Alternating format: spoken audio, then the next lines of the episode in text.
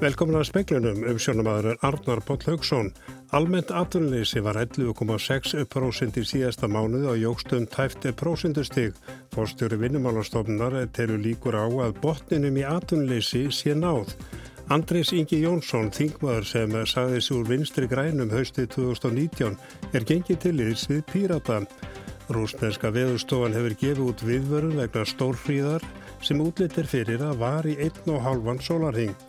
Sótarnalæknir Svíþjóðar varaði í dag við að þriðja bylgja kórnuveiru farandusins í Svíþjóð gæti verið að hefjast. Aldrei hafa fleiri blindur og sjónstjertir hér á landi beði eftir að fá leiðsúhund, átt í 20 er á bygglistan. Almennt atvinnleysi í síðasta mánuði var 11,6% og jógstund tæfti prósendustig. Unnur Sverristóttir, fórstjóri vinnumálanstofnar, segir að þessa tölur gef ekki alveg rétt að minn af stöðunni vegna þess að atvinnuð þáttaka á íslensku vinnumarkaði hefur minkað samkvæmt útreikningum hagstofunar á milli desember og janúar. Á bakvið þetta eru 527 einstaklingar. Það er sem sagt er fjölgunin á milli þessara mánuða. En eh, þýðið að mengið er lægra þannig að prósentan verður hætti. Sankvæmt hagstofunni hefur atvinnum þáttaka ekki verið minni frá því að mælingar hófust 1991 í janúar fór hlutvalliði niður fyrir 80% í fyrsta sinn. Fækkunina má reykja til COVID-19 í atvinnleysistölum með vinnumálastofnar sem byrta voru í dag kemur fram að um 4500 hafi verið atvinnleysir í meirinn eitt ár og rösklega 7000 í 6-12 mánuði. Alls eru þetta tæplega 12.000 manns. Unnur segir að þetta sé áhyggju efni. Jú, þetta er bara verulegt áhyggju efni. Hluti af þessu fólki konu inn með fallið á og misti atvinnuna þá en langst besti hlutin af þessu er nú tengt þessum faraldri. Unnur segir erfitt að spá um þróun atvinnleysis en því er þó spáða atvinnleysi aukist ekki mikið í februar. Vegna þess að við telljum að í rauninni sé kannski mjög botnunum náð að COVID-ársifinn séu komin til fulls fram en þetta muni ekki aukast svona í þessum stökkböðingum eins og að gerða millir mánuða síðastlið ár sko. Við séum komin út úr þeim fasa. En framtíðin hún ræðist svo mikið af þessu bóluefna frambóði, það er nú bara þannig. Og hvernig allt tróast líka í Londonum í kringum okkur. Þetta var önnur Sverristóttir Andris Ingi Jónsson Þingmaður sem að setið hefur utan flokkar síðan hann sagði sig úr vinstri grænum hausti 2019 er gengið til liðsvið Pírata. Hann segir eh, af ákvörðunin hafi ekki verið einföld og hann ekki að kosta á sér í prókjöri Pírata í vor. Það nút aldrei mikil yfirlega en ég ákvaða mínum gildum og, og málefnum væri best borgið innan Þingflokks Pírata það sem eftirlifir kjörtímbils. Voru aðri flokkar sem komið til greina? Ég reyndi nú bara að skoða flesta möguleika með opnum hug og þetta var það sem að meika eitthvað nefn mest sens. Það hérna rýma náttúrulega ágætlega áherslur pírata við þau mál sem að ég hef sett á optin eins og til dæmis eh, sko, lofslagsmálinn og bara til fyrir mannréttindum og kannski sérstaklega hérna, kannréttindum og síðan eh, bara þessi almenna efling á líðræðinu sem að byrtist til dæmis í umröðu í þingin á morgun þegar ég mæli fyrir læknum kostningaldus. Þannig að ég held að við passum bara vel saman. Sagði píratinn Andris Ingi Jónsson og hún friðu dagni Friðjónsdóttir talaði við hann.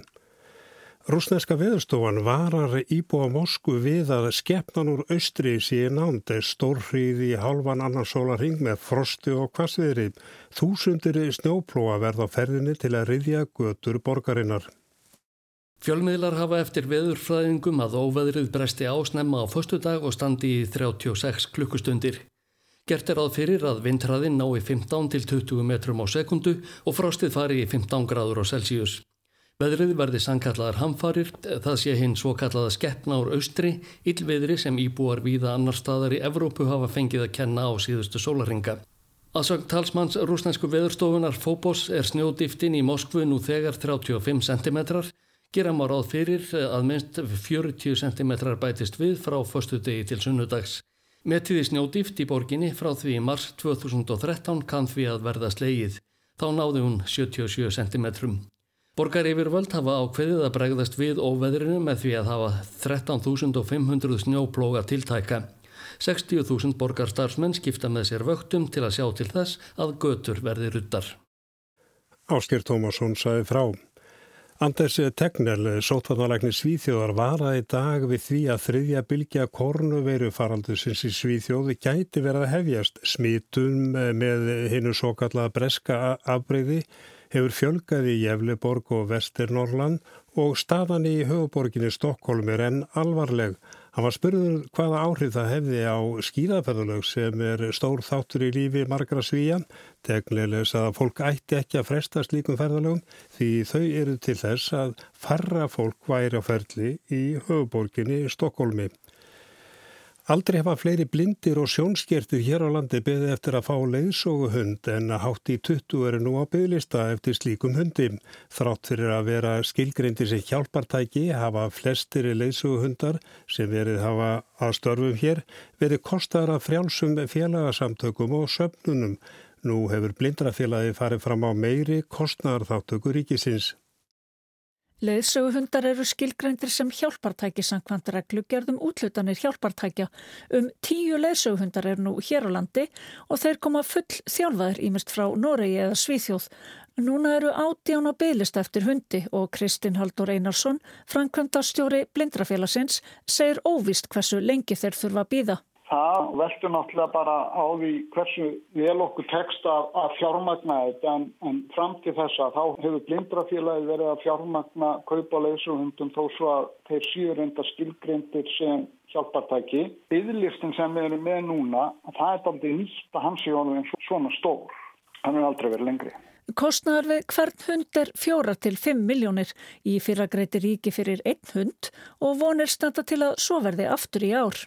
Við höfum lagt það til við, við félagsmálraðanitið að við gerum plan til næstu tíu ára þannig að hér verði starfandi á byrjunu 12 til 15 leysugumhundar uh, á hverjum tíma.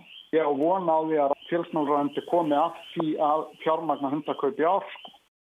Þetta var Kristinn Haldur Einarsson, Anna-Lilja Þóristóttir tók saman. Sérfræðinga nefnda alþjóða heilbriðismála stofnunarinnar HÚ hefur ákveð að mæla með bólu, að bólefni AstraZeneca að fyrir fólk eldre en 65 ára. 15 manna sérfræðinga nefnda segir yfirlýsingu á að sé að nota bólefni fyrir þennan aldur sóp. Þá segir stofnun einnig að hægt sé að nota bólefni í þeim löndum þar sem ný afbreyði veirunar hafa greinst Þetta er þvert á niðurstöðu nýra rannsóknar sem bendi til þess að bóluefnið veitti minni vörð gegn hinnu svo kallaða söður afríska afbreyði. Ísland er í hópi þeirra landa sem ekki ætla að nota bóluefni fyrir þennan aldursóp. Þórólur Gunnarsson, sótvandalæknir, segir meðmali hú engu breyta um ákvörðun Íslands. Ekkert salgætti og engin skemmtun verður í bóði í kringluna á öskudagin í ár eins og stemt var að. Baldvina Snælaugstóttir, markastjóri kringlunar, er segir að síðustu tilslaganir hafa ekki bóðu upp á neitt öskudags húlum hæ. Í fyrra komum 3000 börn í kringluna á öskudag en nú hveti almannavarni til þess að haldi sér upp á daginn í nær umhverfi barna, til dæmis í skólanum eða félagsmiðstöðinni þegar að komu tilmæli frá Víði eh, rétt fyrir helgi að þá var það bara sjálf hægt við og, og þessi plön fór honi í skuffu og dreyja fram plan B. En það verður semst ekki hérna e, bóðið upp á skemmtun og versklanum munu ekki gefa nammi. Það er, það, það er alveg hérna, við hlýðum víði, það er alveg á hreinu. Þá okkur langi mikið til og erum orðin óþrögi full held ég öll sem er að, að hérna, fá að koma saman. Sagði Baldvina Snælaugstóttir.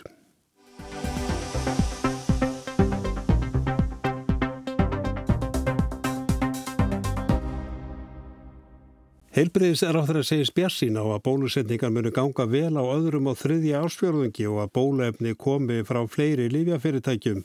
Samningar hafa verið undirritar um kaupa bóluefni sem dýr fyrir 629.000 einstaklinga. En nú er ljóst að ekkert verður úr rannsóknu livjafyrirtækisins Pfizer að bólusetjum 250.000 íslendinga í einum grænum. Þetta er að sjálfsögðu vombreyði í hugum margra en ljóst er að erfitt hefði verið fyrir íslendinga réttlæta þennan forgangi í landi þar sem smit mælast varlum þessar myndir.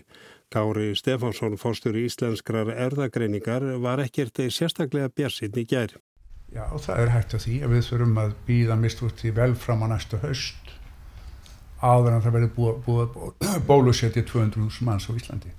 Sagði Kári Stefánsson í kvöldfrettum sjómasins í gæri. Þórólu Guðnarsson, sótvarnalagnir, er aðeins björnsinni.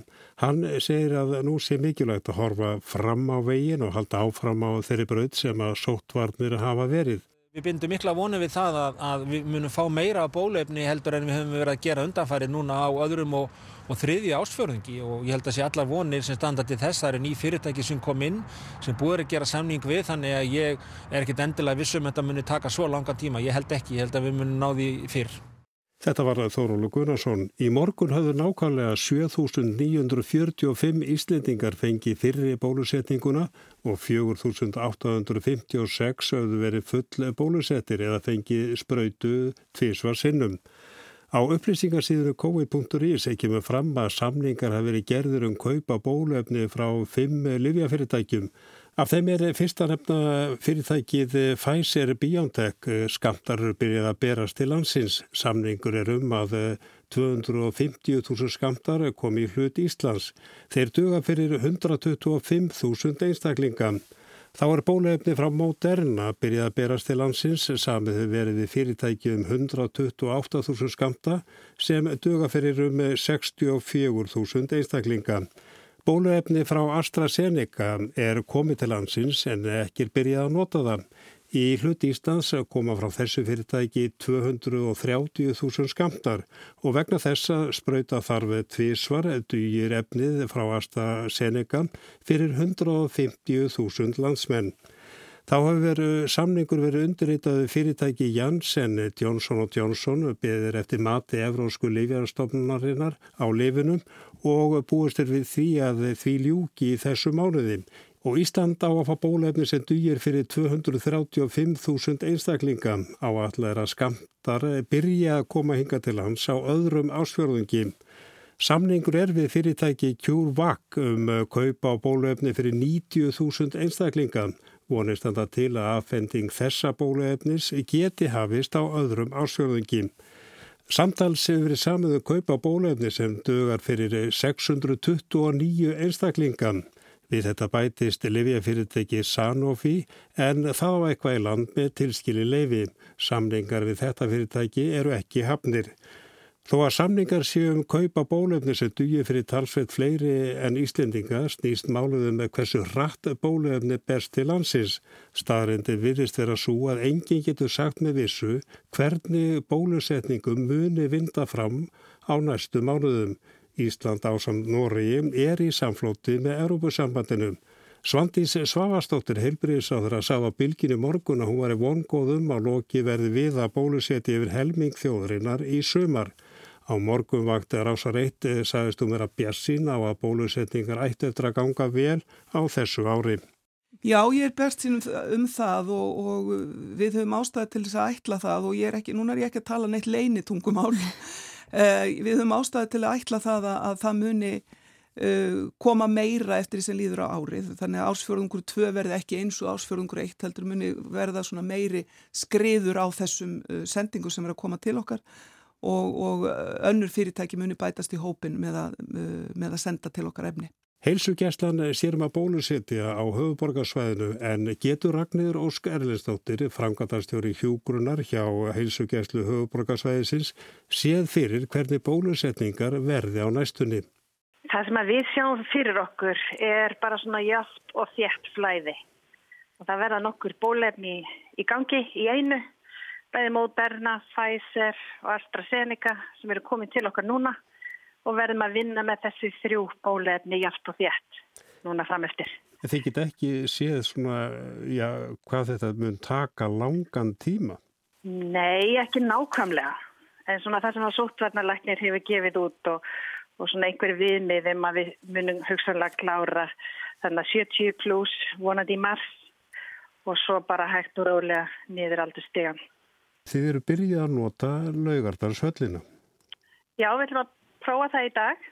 Við erum að keira þar svona svolítið öðruvis í flæði þar sem við náum að keira hugsunlega fleira fólk í gegn á steytri tíma. En nú voru svona augur fann að beinast að fleiri íþrótahöllum. Er það fyrir bí eftir ja, gerðdægin? Já, við vorum allavega búin að plana að ef að uh, til þess kæmi að þá gætu við gripið til þessara staða. En núna er það bara svona e, gott að eiga gott plan. Þið vitið ekkit um það að, að þetta gæti breyst talsvirt ef að fleiri skamtar koma fyrr en ella? Nei, það, við náttúrulega bara reynum að vinna bara viku fyrir viku og hvernig þetta berst til okkar og, og um leið og við fáum efni að, að þá reynum við að koma því í fólk. Og þetta var Ragnður Ósku Erlinsdóttir og við þetta má bæta að Ísland mun greiða fyrir alltaf bóluefni sem samið hefur verið um. Bóluefni sem verður hugsalega ekki notað hér verður gefið til að látteiki þjóðarsangvand upplýsingum heilbreyðis ráðrættisins.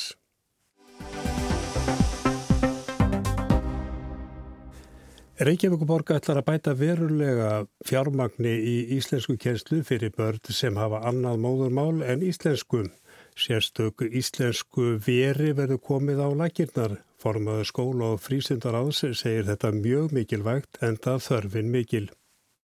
Þetta hefur verið svona á bylinu 2700 og 2800 börn núna samkvæmt nýjustu tölum frá því í höst og, og þetta er talsverð fjölgun sem við erum að sjá. Við erum að horfa á það að þetta eru svona rúmlega þúsund börn sem hafa bæst í þennan hóp á undanföldinu 5-6 árum segir skúli Helgásson formað skóla og frístundaráðs Reykjavíkuborgar og er þá einungis átt við börn í grunnskólum borgarnar en talsverð aukning er einning í leikskólunum.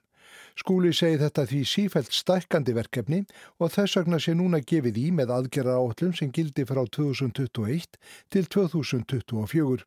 Hann segir afar mikilvægt að koma þessum börnum til aðstóðar sem allra fyrst þannig að þau geti nýtt sér það nám sem þeim stendur til bóða. Já, nákvæmlega og það er kannski helst að nýmæli í þessari, þessum aðgerum núna. Við erum til viðbútar því bara að auka fjármagn til íslensku kjærslu sem að fer beint út í skólan okkar. Það er að hækkum tæp 20%. Þá erum við núna að bæta við nýju úræði sem að við kallum íslensku ver og er þá hugsa fyrir þá nefnendur sem er að koma nýjir inn í reykvíska skólakerfið yfirleitt þá ellendis frá. Þetta geta verið börn sem að hafa jafnvel takmarkaða skólagöngu eða jafnvel enga skólagöngu að baki. Sem koma hérna sem, sem hluti af umsóknum alþjóðlega venn eða, eða flóta fólk og svo framvegis. Og þetta eru einstaklingar sem að þurfa mjög á því að halda að fá mjög mikla og markvisa íslensku kjænslu einmitt þessa fyrstu mánuði þeirra hér. Til þess að þau einmitt drægist ekki aftur úr sínum jafnöldrum og íslensku verið eiga að sinna þessu hlutverki. Að börni koma þá þangað inn þegar þau koma inn í, í skólagerðu okkar inn í borginni verða þar þá í svona 39 mánuði og fá þá mjög mikla íslensku kjænslan íslensku kjænslan er í algjörnum fórgangi Það sögn skúla verða til að byrja með tvö íslensku verð stoppsett í grunnskólu miðsvæðis í borginni. Í hverfum þar sem eru mörg börn sem ekki er með íslensku sem móðurmál og eins þar sem þeim fer fjölgandi eða þar sem þörfin er metin mest. Já, við erum með þessari aðgerð að leggja til að þarna verði 5-6 starfsmenn sem að muni sinna þessu starfi og, og meiri luti þeirra kennarar eh, en líka fólk sem hefur annars konar mentun. Ég vil líka leggja áherslu á það að því að við teljum auðvitað mjög mikilvægt að, að börnin myndi strax tengsl inn í sínum heimaskóla að þau verða strax frá fyrsta degi hluti af, af frístundinni það stendur til búið að fara í frístundastarfið. Þannig að þau geti strax byrjað að mynda vinatengsl og, og verða svona hluti af skólasamfélaginu á þeim stað. Þau, þó að þau fáið þarna svona ákveðið sko, forskotvarandi í íslensku kjensluna miða við það sem verið hefur. Og þetta er alveg nýtt úræði? Já, þetta er nýtt úræði með þessum formerkjum Við sjáum fyrir okkur að þetta sé tímabundið frá þremur og upp í nýju mánuði en það sem við erum líka að bæta inn í er svona mun þróara stöðumatt sem við höfum fengið frá frændum okkar svíum. Þar sem að við erum ekki bara að meta stöðu þessara barna í, í íslensku sem er, við veitum auðvitað fyrir náru fyrirfram að er, er af að takmarkuð en líka í þeirra einn móðumáli og setnistegum í starffræði þannig að við fáum miklu betri mynd af námsleiri stöðu þessara barna, hvar styrkleikar liggja og hvar veikleikar og, og út frá því er síðan útbúin einstaklings áallum sem verður þá svona mjög ma markvis leið til þess að þau tækið framförum. Mögulega verður íslensku verum fjölgað ef reynslan reynist góð og þörfin síni sig annar staðar. Skúli segir að í breyðholti hafi verið unni mikið og gott starf, samstarf skólana þar sé náið og íslensku verin verði viðbót. Annað úrræði sem Reykjavíkuborg hefur rekið er miðja máls og læsis sem er teimið með sérþekkingu sem skólarnir hafa kallað eftir og er þeim til stuðnings, ekki síst í vinnu með börn sem hafa annað móðurmál en íslensku. Þau vera í likil stöðu í aðgerra áallunni, bæði varðandi að leggja fyrir stöðum að vegna barnana en líka varðandi það sem kallað hefur verið brúarsmiðir. Það eru starfsmenn sem eru tengilegir millir foreldra og barna annarsvegar og skólana hinsvegar. Bæði til að leiðbina varðandi þjónustu í bóði, réttindi barnana og fleira. Þetta eru starfsmenn sem tala móðurmálu viðkomandi eins og arabísku, filibesku, litáísku og svo framvegis. Þetta eru aðeila sem hafa sínt sig að erum hérna það er mikil þörf fyrir þá og við erum að setja meira fjármagn í að, í að fjölga þessum einstaklingum eða, eða hækka þeirra starfslutvall. Skúli segir að brúarsmiðirnir séu mjög hæfur og góðir og mikil ánægjar ekki með þá. En auðvitað getur stundum reyn snúið að finna einstaklinga sem talið það tungumál sem þörfur á og þekki menningu viðkomandi, en það tungumálin orðin fjölmörg. Borgin og landið séu orðin fjölmenningarsamfélag og um leið betra samfélag. En það þýður við að við þurfum að vera mjög tánum að auka í á vissum sviðum til þess að einmitt þessi börn að þau hafi sömu tækifæri. Við séum með raunverulegt mentakerfi jafnaðar þar sem að öll börn hafa jöfn tækifæri til þess að mentast og, og láta sína drauma rætast. Regluleg málkunnunapróf hafi verið lögð fyrir börnin og segir skúli að þau síni að gefa þurfi betur í í þessum málaflokki. Þessi aðgerra áallun sé tilkomin vegna þess. Verulega sé bætt við fjármagni eða næri halvu miljardi í nýju fjármagni yfir þryggjára tímabil. Þótt málkonunapróf hafi syngt að bæta þurfi í, segi skúli líka mörg dæmum frábæran árangur þessara barna. Og ég get vitnaði það að við höfum verið með íslensku verðlunir sem eru veitt hérna á hverju ári og það hefur verið svona eitt af skemmtilegustu verkefnunum að aðfenda þau á, á hverju eh, vori og það hefur verið mjög áberandi svona undanfæðinu fjögum-fimm ár, það eru miklu fleiri börn af ellendum upprunnar sem er að stíga á stokk eru orðinir leiðtóar í sínum skólum og tala reybrennandi íslensku og hafa einmitt verið að, að fá þessi íslensku verðun fyrir frábæran árangur í sínu námi. Segir skúli Helgarsson og Haugur Holm talaði við hann. Atvinnleysi í kjölfar COVID-19 faraldursins er með að við nákvæmlandin óviða meirinn á Íslandi. Veiru faraldurinn afhjúpara ljóslega hættuna sem fylgir því að Íslandi eigi svo mikið undir í einni grein, ferðarþjónustunni. Það er gammal sannleikur að það er ekki vitulegt að geima öll ekkin sín í einn og sömu korfunni en maður dettur glatast allur ágóðun af ekkjónum í einu vetfangi. Þegar rætt var um áhættuna að því að Ísland ætti svo mikið sem raunber vitni undir einni grein ferðarþjónustunni var svari gerðnan að það hjálpaði að ferðamenn til Íslands kæmi víða að frá öllum heimshornum frá Evrópu, Bandaríkjónum og Asíu ef einn heimsluti eða stort land glýmdi við efnahagserfileika væru aðrir líklegast í lægi. Þetta var auðvita áður en heimurinn lærði að veirufaraldur getur lagst eins og mara á allan heiminn í einu. Hættan af einhæfu atvinnulífi hefur þó löngu verið ljós. Eftir að ferðamönnum hafi fjölgað jæmt og þétt ár frá ári, náði fjöldin hámarki 2018 með 2,3 miljónum ferðamanna, 2019 komu 2 miljónir. Það hefur kannski glemst en fækkunin 2019 olli samdrætti. 2019 var hagvöxturinn 1,9%, hafi verið 4,6% árið áður.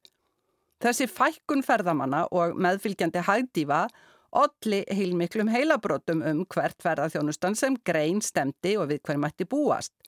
Í september 2019 gaf OECD út skýrslu um Ísland. Í spástofnunarinnar fyrir þetta örlaga ár 2019 var ljóst að vöxturinn yrði snögtu minni en árið áður. Í skýrslunni benti OECD á að þessi snarlegi samdráttur afhjúpaði veikleika hagkerfisins. Ísland ætti allt og mikið undir aðeins tveimur atunuvegum, ferðarþjónustu og sjáurútvegi. Samanlagt næmi útflutningsframlag þessar að tvekja greina næstum 60% af heildarútflutningi. Í skýrslunni er bent á nöðsinn þess að huga að mentun. Mentunarsti á Íslandi frekar hátt en mentakerfið og vinnumarkaðurinn ekki endilega vel samstíga. Fyrirfram Mætti halda að það fælist ákveðin áhættudreifing í að Ísland væri háð jafn ólíkum greinum og ferðarþjónust og fiski en í veirufaraldrinum fléttust þessar tvær greinar saman. Veiran hindraði ferðalög, það skattaði ferðarþjónustuna, veiran lokaði veitingahúsum og helstu mörguðum sem skadaði sjárútvegin. Samdrátturinn í kjölfar COVID hefur skilað sér í atvinnuleysi. Atvinnuleysi á Íslandi er tæp 11% samkvæmt nýjustu tölum vinnumálastofnunar. Í Noregi er atvinnuleysið aðeins 4% hefur reyndar hækkað um þriðjung frá því á sama tími fyrra sem er drúgt en já, heildartalan er lág. Í Danmörku er atvinnuleysið aðeins hærra. Í Breitlandi um 5% gæti reyndar átt eftir að taka stökk þegar úrræðum líkur þar eða ef lokanir og takmarkanir halda áfram vegna verunar. Munurinn á Íslandi og nákvæmlandunum er ein byrtingarmynd einhæfs atvinnulífs á Íslandi. Framvindan í ferðarþjónustunni barst í tal í óundirbúnu fyrirspurnatíma á Alþingi 21. januar. Hanna Katrín Fririksson, þingmaður við reysnar, benti á að í ár væri gert ráð fyrir 600 til 700.000 ferðamönnum voru tæplega 500.000 í fyrra. Þingmaðurinn benti á að viðspyrnu kraftur ferðarþjónustunar færið þverrandi sama í veitingahúsarekstri. Hver eru skilabóð ríkistjórnarinnar fyrir næstu mánuði út frá þeirri stöðu sem við stöndum frammi fyrir núna og hefur verið fyrir síð að minnstakosti ástæða til að óttast um nokkurt skeið? Hvert er plan ríkistjórnarinnar þegar kemur að rekstri þessara fyrirtækja og þeim raunhæfu væntingum sem þau geta gert til næstu mánaða. Í svari sínu nýtti Þordís Kolbrún Gilvardóttir Reykjörð ferðmálaráð þeirra á að framvindan á Íslandi væri komin undir framvindunni í öðrum löndum reglum þar og ferðavilja en stjórnin stæði með greininni hefði tröll að trúa á henni. Sjálfbærni skipti líka miklu máli í stefnumótun fyrir ferðarþjónustuna fram til 2030. Það er dæmis verkefni sem ég held að verða alveg áskorun þegar við fyrir aftur að taka á móti fólki, að við erum að horfa á gæði umfram magn. Við erum ekki að horfa á fjölda ferðamanna, heldur hvað ferðamaðurinn skilur eftir sig og hvað verðmæti verða til í greininni og, hver arðsemin er innan hennar. Í umræðu um ferðarþjónustuna og fjölda ferðamanna hljómastundum eins og Ísland sé í rokna keppni um að slá sífælt eigin met í fjölda ferðamanna að horfa á verðmættin sem ferðamenn skilja eftir fremur en þetta að einblýna á fjöldamet gerir sjálfbærni að meira sannfærandi markmiði. Eins og ráð þeirra bendi á, framvindan Erlendis hefur áhrif á afkomuna í ferðarþjónustunni á árinu. Stjórnin stitti áfram við ferðalög innanlands, ferðagjöfin enn í gildi. En fyrir stórumyndin á íslenska ferðarþjónustu þá auðvitað er það mjög lítil uh, áhrif svona í heildina vegna þess að okkar innlendi markaður er bara svo ofbóðslega lítill og það eru Ég veit ekki hvort það er til land sem er með jafn lítinn innlandsmarkað og jafn háð ferðaþjónustu og þar leiðandi jafn háð erlendum ferðamönnum. Ísland er reyndar ekki alveg einstakt. Það mætti taka mið af Möldu, annari lítilli eigu með 500.000 íbúa, þar sem hlutfall ferðarþjónustu af landsframlegslu er álíka hátt á Íslandi og þar stefnir í svipaðan samdrátt og á Íslandi. Munurinn á eigunum tveimur Ísland og Möldu er þó að á Íslandi er ferðarþjónusta nýgrein Mikið af nýfjárfestingum í greininni meðan ferðarþjónusta á möldu er gamalgróin og hefur laðað sér miklar fjárfestingar erlendis frá. Á Íslandi er skellur í ferðarþjónustunni meira áfall bæði fyrir einstaklinga og lánastofnanir en ella að því greinin er svo ný sem eigur líka áhættuna í greininni líki í þjóðharslegu tilliti. Aðeins fá fyrirtæki sem hafa starfað nóg lengi til að sapna einhverjum sjóðum, anstætt því sem á búast við í landi, jafnvel litlu landi, með gamalgróna ferðarþjónustu. Það velur ekkert land að búa við einhæft atvinnulíf skapast að hluta af aðstæðum, en það má hamla gegn slæmum hlýðaráhrifum með markvísri stefnumótun og stundum samanburði við lönd sem geta ímist verið víti til varnaðar eða sem eitthvað má læra af. Sigrun Davidstóttir sagði frá og það verða við að skúrir eða jél á morgun en skýja með köplum og þurfta mestu á norður og austurlandi, heldur hlínandi. En við sögum frá því í speiklunum meðal annars að almennt atvinnleysi var 11,6% í síðasta mánu og jógstum tæfti prosentustig. Fórstjóri vinnumálastofnar telur líkur á að botnunum í atvinnleysi sé náð. Andris Ingi Jónsson, þingmaður sem að sagði sér vinstu grænum haustu 2019 er gengið til liðs við Pírata og hann ætlar að það gefa kost á sér í prókjöri Pírata í vor. Það er ekki mikið fleira í spegnu kvöldu tæknumöður var Martin Martinsson verið sæl.